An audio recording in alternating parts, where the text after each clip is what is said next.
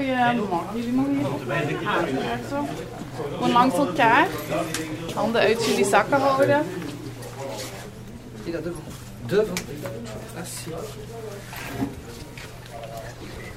Assi. Rustig. Heb je drugs bij meneer? Eh, Ben je gebruiker of zoiets? Gebruiker, ja. Ja, mag ik eens meekomen? Kijk, ja. Kunnen we even naar een Ja, lokaaltjes ik ga ergens iets? Ja, oké.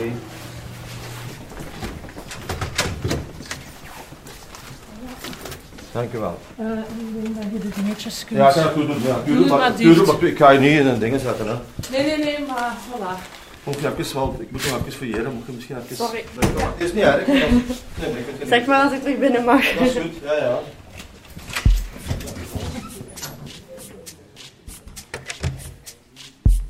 We vallen er hier een beetje middenin, maar wat je zo net hoorde is een drugscontrole op een middelbare school. De leerlingen zijn uit hun klas gehaald en netjes op een lijn tegen de muur gaan staan. Een politieman gaat met zijn drugshond langs de rij jongeren en een andere gaat intussen met zijn hond de klas binnen om de banken en de boekentassen te doorzoeken. Wij staan er intussen met een half leger op te kijken. Want naast fotograaf Karel Hemerijks en mezelf zijn er ook nog vijf rechercheurs en een aantal leden van de wijkpolitie bij. Maar even terug naar de tiener die uit de rij is gehaald. Want de rechercheurs zijn net klaar met het fouilleren. Wat we nu gedaan hebben, hebben wij gewoon gefouilleerd, dat was negatief. Eh, en dan we gaan het proces verbaal opstellen en een doorverwijzing naar de terughulpverlening. Ja. Dat is eigenlijk, dat gebeurt er. hè. Meer is meerderjarig, dus de ouders worden niet in kennis gesteld. Anders werd dat wel gedaan. Oké. Goed. En terug naar de les nu. En terug naar de les. Ja, dan ga je daar gaan. Dus langs daar, ja, ik moet, Oh, niet ik moet u volgen, hè. je kent de weg beter dan hier. Waarop heeft die hond dan gereageerd als het negatief was? Weet je? Eh, hij zegt dat hij een jointje gerookt heeft. Ah, Ah, voor school. Maar die hond rookt Dus al. die hond die en de- ruikt dat. En de kleren, hè. Ah, Die ruikt dat. Zelfs als je Hoe veel... lang blijven die daar ruiken, die honden? Ja, dat hangt er een beetje vanaf. hè. Ik denk zelfs als je elke dag rookt, hè, zodat dat in je, in je zweet, in je poriën ook, ook wel... Als je gewoon eh, op café langs iemand zit die een jointje rookt en ze controleren u, Oké, super. kun je ook aan die hond de u ook gaan zetten. Hè? Ja. Er op in de klas. Ja. En? Eh, negatief, maar die geeft wel toe dat hij gerookt heeft deze morgen. Dus, eh, is oké, 18, ja. of 18 jaar wel. Ja, dat is zwaar. Maar ja, het oké. Zeker erop, maken. Hij had niks meer bij. Maar hij zegt wel, hij heeft dus morgen nog gerookt, dus het zal... Dit is Achter het Uniform, de podcast van het Belang van Limburg die je een exclusieve blik geeft achter de schermen van de lokale politiezone Limburg Regio Hoofdstad. LRH. Dat zijn 450 personeelsleden, van korpschef tot onthaalmedewerker, in de zes gemeenten Hasselt, Diepenbeek, Zonhoven, Halen, Herk-de-Stad en Lummen.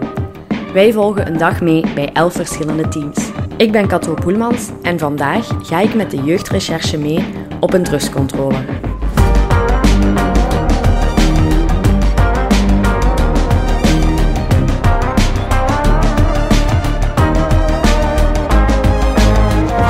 Met die drugscontroles zijn we een hele voormiddag zoet geweest, klas na klas, in twee verschillende middelbare scholen in de politiezone. De jeugdrecherche doet deze acties een vijftal keer per jaar in verschillende scholen. En belangrijk, telkens op vraag van de school zelf. Waarom die acties belangrijk zijn, daarover weet Benjamin meer. Want hij is sinds 2020 hoofdinspecteur bij de jeugdrecherche.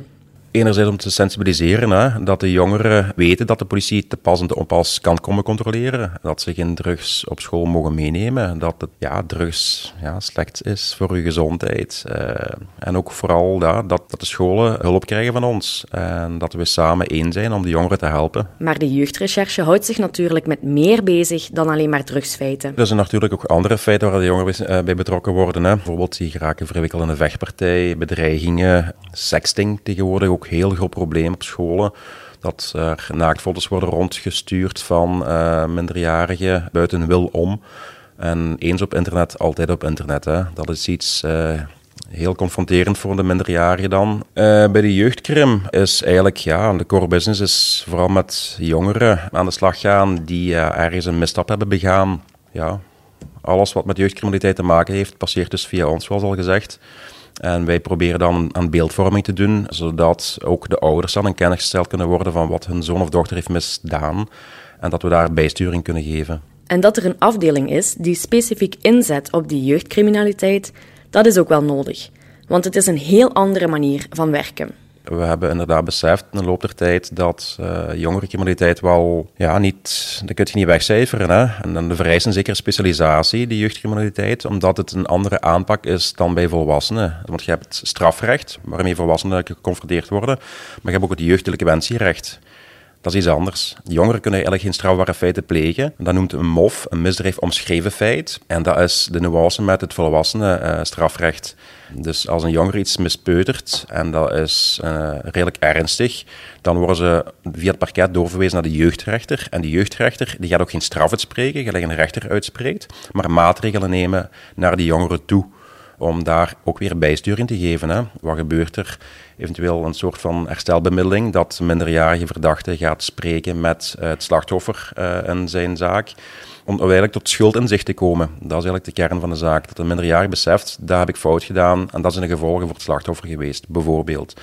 En in ernstige gevallen bijvoorbeeld ja, kan de jongere ook doorverwezen worden naar een gesloten instelling, waar die daar ook weer begeleid wordt door de mensen daar die daar werken. En ook het verhoor op zich van een minderjarige is een ander aanpak van verhoor. Uh, jongeren kun je ook niet zomaar verhoren zonder advocaat. Er moet altijd een advocaat bij zijn. De ouders worden altijd ingelicht, uh, zowel moeder als vader, over wat er is gebeurd met de zoon of dochter in kwestie. En dat is bij volwassenen anders. Bij volwassenen die kunnen afstand doen van een advocaat bijvoorbeeld. Ik zeg niet dat die harder aangepakt worden bij een verhoor, maar een jongerenverhoor is toch nog iets anders als een volwassenenverhoor. De kern van de zaak is, zoals Benjamin zegt, de jongeren tot een schuldinzicht brengen en zorgen dat ze zich herpakken.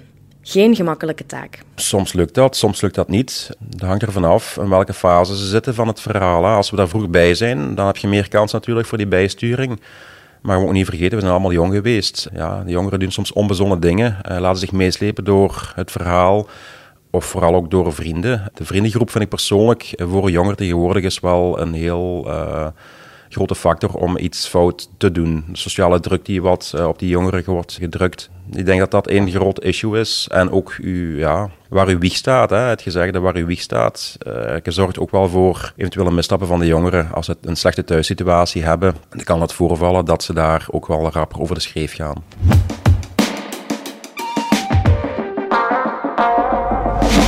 We gaan even terug naar die maandagochtend op de middelbare school want er werden helaas wel meer leerlingen uit de rij gehaald. Deze keer heeft een drugshond iets geroken in een rugzak die nog in de klas stond. Geen stress, hè? Nee. En als er iets kan insteken, wat zou er dan gebeuren? Ja, gewoon kijken hè, wat er is. Hè. Ga er iets insteken, want zeg Ja, de hond heeft positief getekend. Ik heb dus, dat gekregen van... Nee, nee, ja. Ik heb dat gekregen van een maat van mij. Ja. Ik weet dat niet, Positief, die ja. zegt dat ik dat moet bijhouden. Ja, Ik kan hun naam zeggen als ik het weet. ja dat is goed.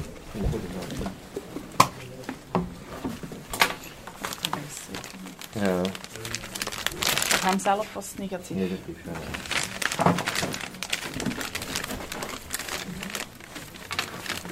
Ik kan hun naam zeggen. Ja, ja, we zijn maar rustig. Gewoon even rustig. Ja. Er, is, nee, er is niks zoveel aan de hand. En gezegd van,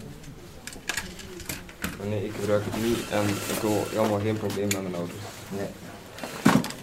Ja, ik weet echt totaal van niks. Nee. Als ik zoiets die jongen zie, ik ga boos van op hem. Ik ben er nu volledig. Super Ja, ja, ja gewoon. Nu, ik mag je niks vragen. Hè. Je, hè, ik mag je niet meer vragen. alles, je mocht me alles Je mag iets zeggen tegen mij als, als je wilt, maar ik mag je niks vragen. Hè. Wilt je de deur toe doen? Als Even de deur toe doen.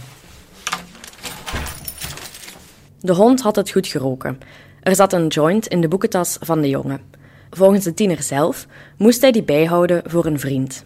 En dat moet zowat het meest gehoorde excuus zijn die maandagochtend. Ja, een uitleg hebben ze altijd natuurlijk. Hè. De jongeren, waarom ze dat bij hebben, drugs. Wat ook weer logisch is, dat is een defensie. Dat is een soort van een verdedigingsmechanisme wat die jongeren hebben. Ik denk dat volwassenen dat ook hebben, hè. Eh, niet alleen kinderen. Hè. Maar uiteindelijk, als het in hun bezit is, zijn ze strafbaar voor het jeugddelinquentierecht nogmaals. En dan wordt er PV opgesteld, een procesverbaal.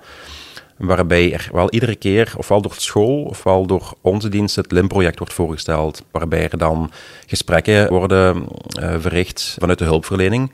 Dus ik zal even uitleggen, het LIM-project, dat is een afvallingsprocedure die wordt afgesproken tussen de hulpverlening, de justitiehuizen en het parket. Dat houdt eigenlijk in dat de jongeren zelf contact moet opnemen met de hulpverlening en dan worden ze uitgenodigd voor een intakegesprek. En meestal zijn er vier gesprekken die dan in de loop der tijd worden gevoerd met de jongeren in kwestie om hun te sensibiliseren. Wat zijn de gevolgen van drugs? Uh, wat zijn de slechte kanten van het verhaal? Uh, dat ze meer feeling krijgen van druggebruik. Dat is allemaal ook anoniem. Er wordt niet prijsgegeven wat er gezegd wordt. Maar wat er wel gebeurt, is dat het parket wordt in kennis gesteld dat die gesprekken hebben plaatsgevonden dat er een gevolg aan gegeven is door de jongeren in kwestie en dan vervalt ook de strafvordering, bij wijze van spreken. In het LIM-project moeten jongeren dus bijvoorbeeld in gesprek gaan met hulpverleners en ex-drugsverslaafden.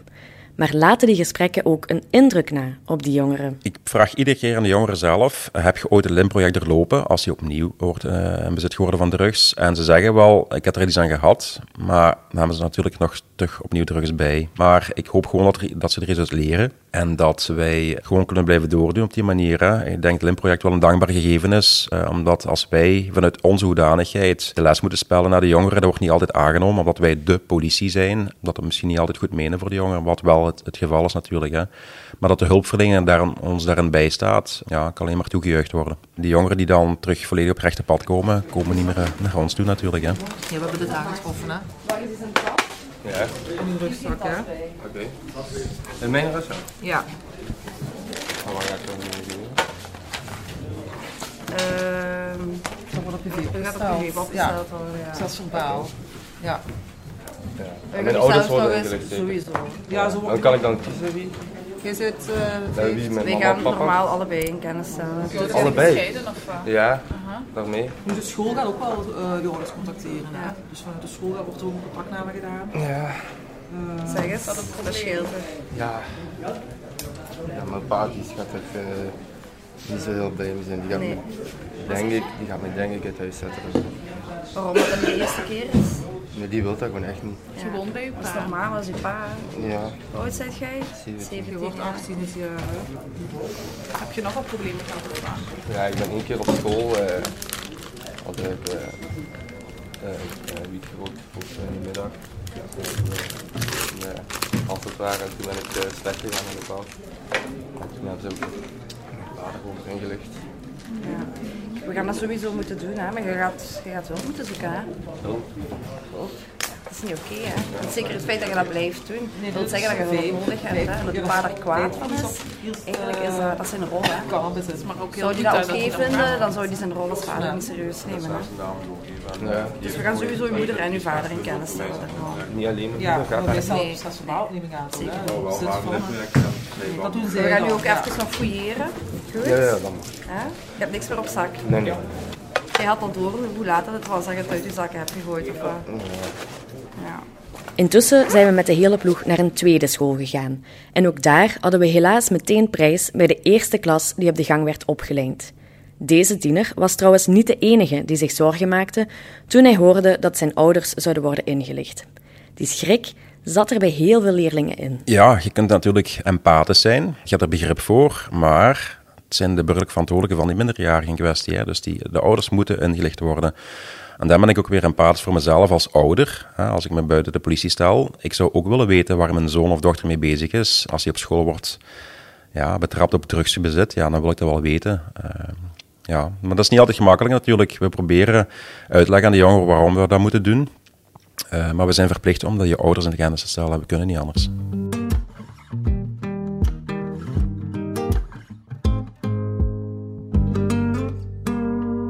Tijd om het even te hebben over de lokale recherche in het algemeen.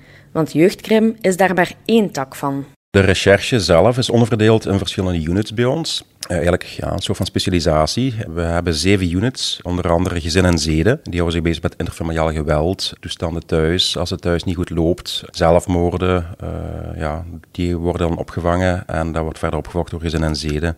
Dan mijn eigen unit, de jeugdkrim. Uh, alles wat met jeugdcriminaliteit te maken heeft, passeert via ons. Ook weglopers, verdwijningen, ja, wordt ook door ons opgevolgd. Dan de unit drugs hebben we ook dan, waar ik vroeger heb gezeten, zeven jaar. Die houden zich natuurlijk bezig met drugsfeiten, cannabisplantages, dealers. Dat, is, dat zegt zichzelf een beetje. Dan de algemene krim, dat is een meer overkoepelende unit die dan ja, brandstichtingen, vechtpartijen in het algemeen Financiële delicten, dat is eigenlijk redelijk breed wat ze daar doen. En dan die unit diefstallen, wat ook een heel groot probleem is natuurlijk. In iedere politiezone, rondtrekkers, diefstallen in woningen. Vandaag op de briefing en morgen heb ik nog zeven diefstallen mogen aanhoren die gebeurd zijn deze nacht. Uh, dus dat wordt verder opgevolgd door die unit. Dan is nog de LCCU, dat is de lokale Computer Crime Unit bij ons in de zone heel belangrijke unit, omdat alles tegenwoordig ja, digitaal verloopt. Hè. De oplichtingen van mensen uh, via phishing, uh, internetfraude, ook het uitlezen van gsm-toestellen, computers, naar aanleiding van pedofiliezaken bijvoorbeeld, kinderporno, dat wordt allemaal via ons uh, uitgelezen en nadien onderzocht wat er precies heeft voorgedaan. En dan als laatste unit, uh, de unit wapens, die zich bezighouden met alles wat met de wapenwetgeving te maken heeft. En het leveren van wapens. Bijvoorbeeld als jij als een grootvader hebt die een, een uh, wapen weg wil doen, dan uh, kunnen ze bij ons langskomen om dat in te leveren. Dat zijn de zeven units bij ons op de recherchedienst. Sinds 1 januari valt onder de recherche ook nog de tak informatie met de dienst Intel en het lokaal informatiekruispunt. Alles wat dus met het gerechtelijke politiewerk te maken heeft en wat in tweede lijn komt. Ja, inderdaad. Interventie is eerste lijn. Zij worden opgebeld of uh, doorgestuurd naar een oproep. Uh, zij doen hun vaststellingen ter zake. En dan uh, een tweede lijn komen wij pas aan te pas. Wij doen het verder onderzoeken die nodig bij gerechtelijke feiten. dat is onze core business ook. Hè. Het verzamelen van informatie over strafbare feiten en verdachte personen. We proberen eigenlijk erachter te komen wat er gebeurd is en vervatten dan een procesverbaal die we dan doorsturen naar het parket of het onderzoekskabinet. Los van de units waarover Benjamin daarnet sprak, voorziet de recherche ook in een permanentie. Dat klopt. Buiten het feit dat we werken binnen onze eigen unit, zijn we ook van permanentie. De permanentiediensten die dan uh, gedraaid worden door de recherche. Dat wil zeggen bijvoorbeeld van donderdag tot donderdag voor de week erop zijn wij 24 of 24, 7 op 7 van wacht. Dat wij ten alle tijde gebeld kunnen worden als tweede lijnspolitie om mensen van interventie bijvoorbeeld uit de nood te helpen of om verder onderzoek te doen. Maar die permanentiedienst bestaat uit uh, een hoofdinspecteur die dan leiding heeft en dan verschillende inspecteurs, rechercheurs van andere units. Want als er iets voorvalt van bijvoorbeeld een, een, een minderjarige die iets uitgespookt heeft, dan gaat er een, uh, meestal ook een jeugdrechercheur bij zijn die daar de finesse van het verhaal kent. Of bij zwaardere diefstallen, dan hebben we iemand van de diefstallen erbij. En dan werk je eigenlijk synergetisch als groep. En dan kun je je know-how wat meedelen of meegeven aan de collega's in kwestie. Die permanentie betekent dus dat je ook voor iets heel anders opgeroepen kan worden dan je eigen specialisatie. Twee jaar geleden nu ben ik opgeroepen geweest met Paaszondag voor een moordonderzoek inderdaad. Daar hebben ze me voor gebeld om op te komen. Um, ik was eigenlijk ook zelfs niet van wacht toen, maar uh, de permanentiedienst was zodanig bezig en druk bezig dat ze beroep hebben gedaan op mij toen uh, om hen uit de nood te helpen. En daar heb ik toch bijna twee jaar aan gewerkt. Ook vooral met de coronaperiode heeft ermee te maken. Hè. Er heeft heel veel stilgelegen toen. En uiteindelijk is dat ook een assisezaak geworden, uh, waarbij onlangs de, de uitspraak is gevallen. Maar dat is ook weer een voorbeeld van een zaak. Dat is niet mijn core business bij de jeugdcriminaliteit, maar weer heel fijn om te doen, omdat je dan binnen de permanentie of dit was toevallig buiten mijn permanentiedienst, dat je nog zaken kunt doen waar ook bij uw interessesfeer ligt. Hè. De waarheidsvinding, daar komt het op neer. Wat is er gebeurd? En vooral voor de nabestaanden, uh, heel interessant om te doen.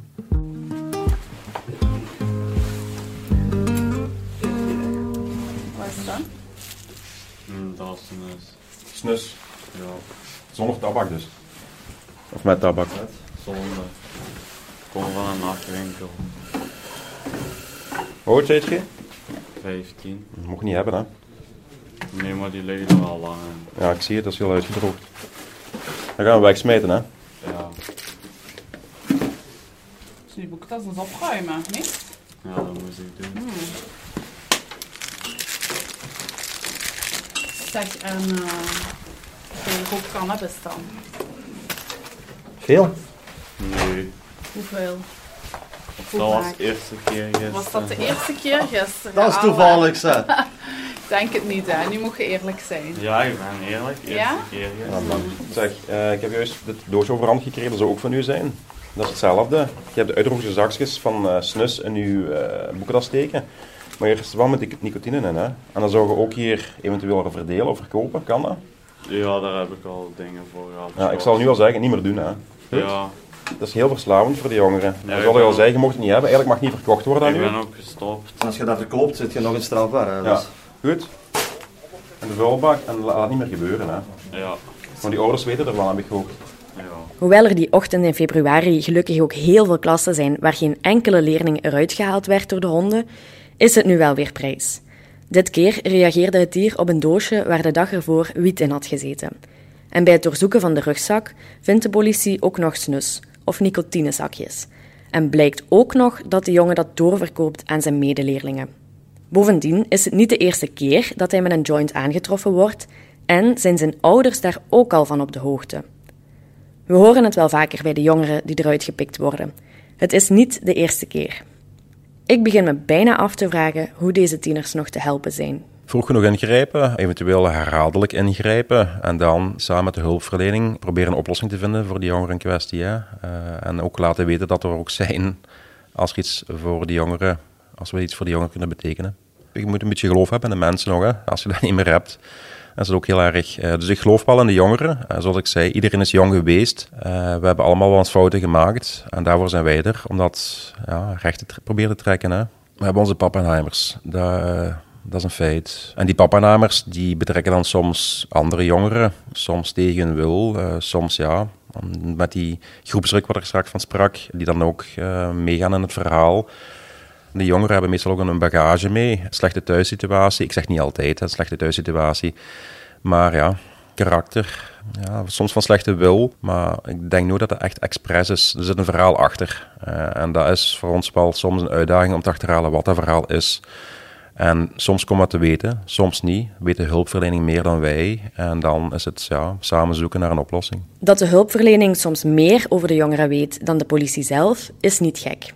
Want hoe hard deze rechercheurs ook hun best doen, de kloof tussen politie en jongeren zal er altijd wel zijn. Ja, dat is de moeilijkheid van het verhaal natuurlijk. Hè. Er zal altijd een buffer tussen ons zijn als politiedienst, als jeugdrechercheur en de minderjarigen. Uh, op het moment dat de jongere die iets heeft uitgespookt, hebben wij ons petje op van een repressieve ambtenaar, politieambtenaar.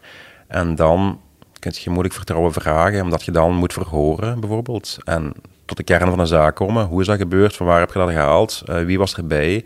Ja, dan kun je moeilijk uh, verwachten van de jongeren vertrouwen ons. We zijn wel heel vriendelijk, we zijn open, maar dat is een ander verhaal als de hulpverlening zelf. Maar wat niet wegneemt dat je het moet proberen, want als je een aantal jongeren kunt bereiken, die dan inzien dat we ook maar mensen zijn die ons werk moeten doen, maar dat we ook geen boemannen zijn, hè, of boevrouwen. We zijn gewoon mensen die ons werk willen doen om de jongeren te helpen. Dat is de essentie van de zaak voor ons als jeugdrechercheur. Maar inderdaad, niet evident. Klopt. Daarom dus het belang van een goede samenwerking met de hulpverlening. We hebben bijvoorbeeld een goede band met Arctos. Arctos is hier een instantie bij ons in, uh, ja, eigenlijk in heel Limburg, maar hier in Hasselt hebben zij eigenlijk mensen in de, in de hulpverlening die uh, werken samen met kerngroep jongeren noemen ze dat, die dan problemen hebben, bijvoorbeeld op school, die even de weg kwijt zijn.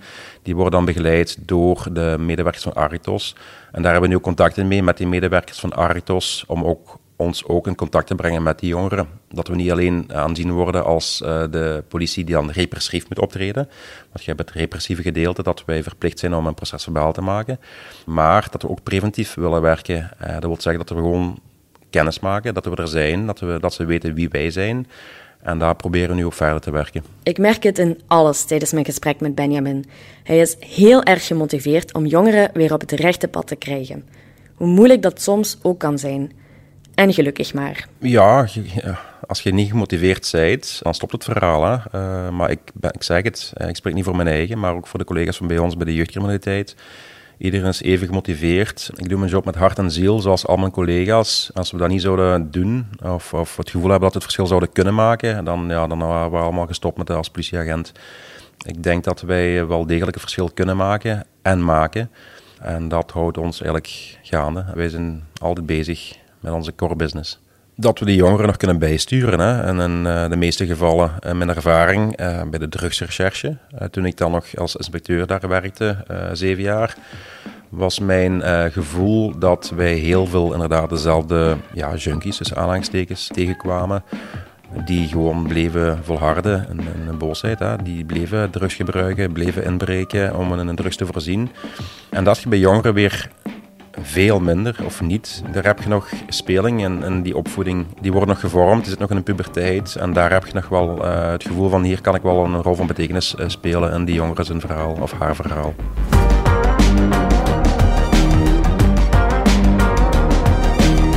Achter het uniform is een podcast van het Belang van Limburg, geproduceerd door mezelf, Cato Poelmans. Montage en afwerking door de buren. De muziek is het werk van Stef Leenaerts van House of Media. Chef podcast is Geert Nies. Reageren op deze aflevering kan via podcast.hbvl.be. En wil je onze journalistiek ondersteunen? Bekijk dan onze voordelige abonnementen op hbvl.be/voordelig.